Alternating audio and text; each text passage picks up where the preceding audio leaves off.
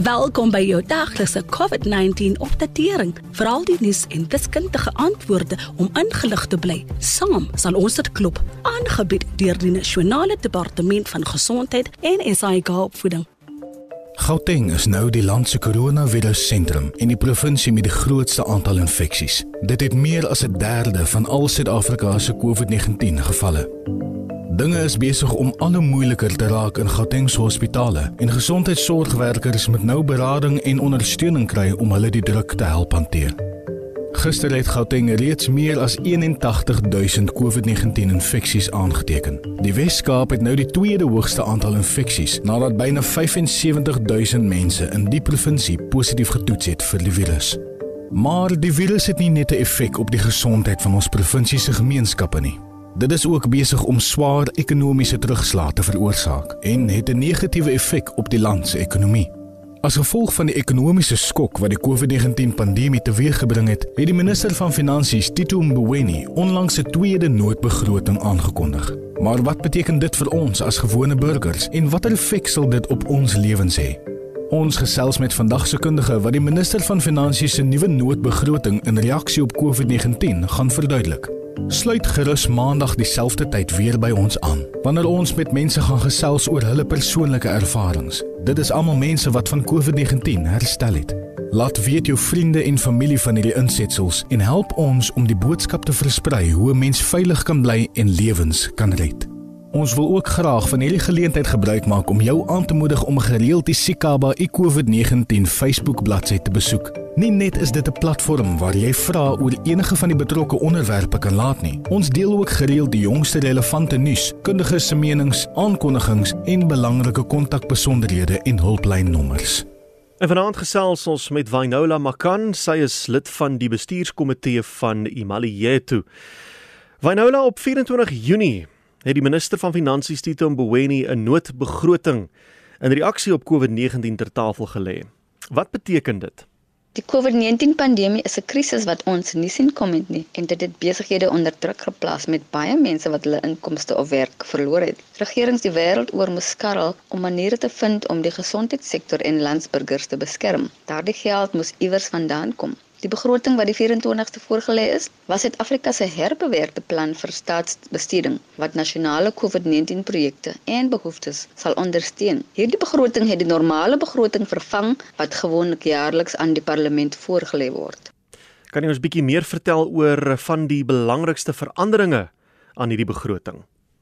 Die minister moes biljoene rande vind vir COVID-19 verligting en hy het dit gedoen deur dele van ander departemente se begrotings te sny en langtermynplanne te maak om belasting en regeringsskuld te beperk. Dit het meet en pas gekom om op partyplekke weg te vat en op ander plekke by te gee. Die departemente van gesondheid, onderwys en maatskaplike ontwikkeling is die drie departemente wat meer sal kry.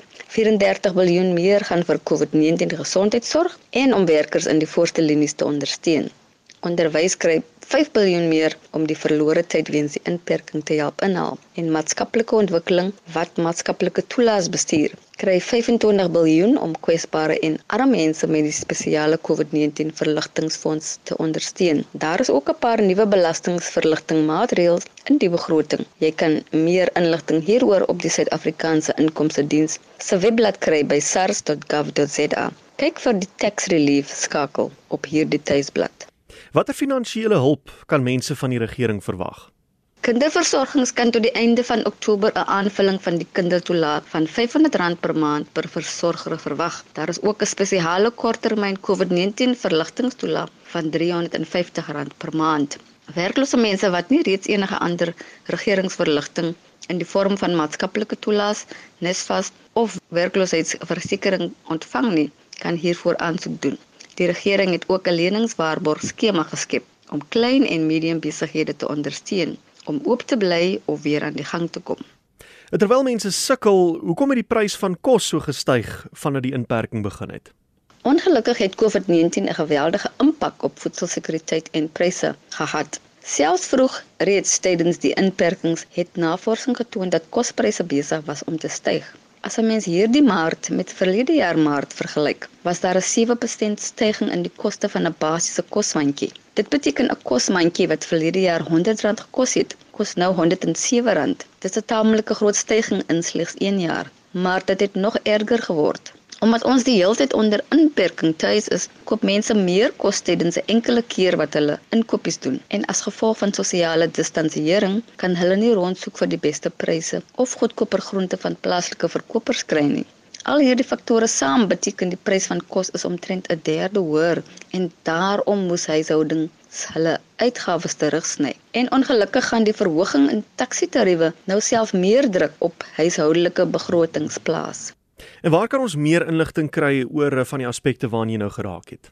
Jy kan ook al die besonderhede oor die begroting kry by woelekamali.gov.za wat 'n projek van die nasionale tesourie en Imaliyeto is. As jy dink jy kwalifiseer vir die COVID-19 verligtingstoelaat, besoek die SASSA webwerf https://srd.com sassa.gov.za. Daar is organisasies soos Amakaya, Amabini en ander wat behoeftige huishoudings in kontak bring met huishoudings wat meer hulpbronne het. As jy nie toegang tot voedsel het nie, kontak jou wijkraadslid op munisipaliteit. Hulle kan jou in aanraking bring met programme in jou area. Jy kan al die besonderhede by die plaaslike regeringsvereniging kry by www.salga.org.za. Nou was Finola Makan, lid van die bestuurskomitee van Imaliyeto. Dankie dat jy geluister het na jou daglikse COVID-19 inligtingstuk aangebied deur die Nasionale Departement van Gesondheid en SAIK opvoeding in samewerking met die Solidariteitsfonds. Wees veilig, bly gesond. Saam sal ons dit klop, Suid-Afrika.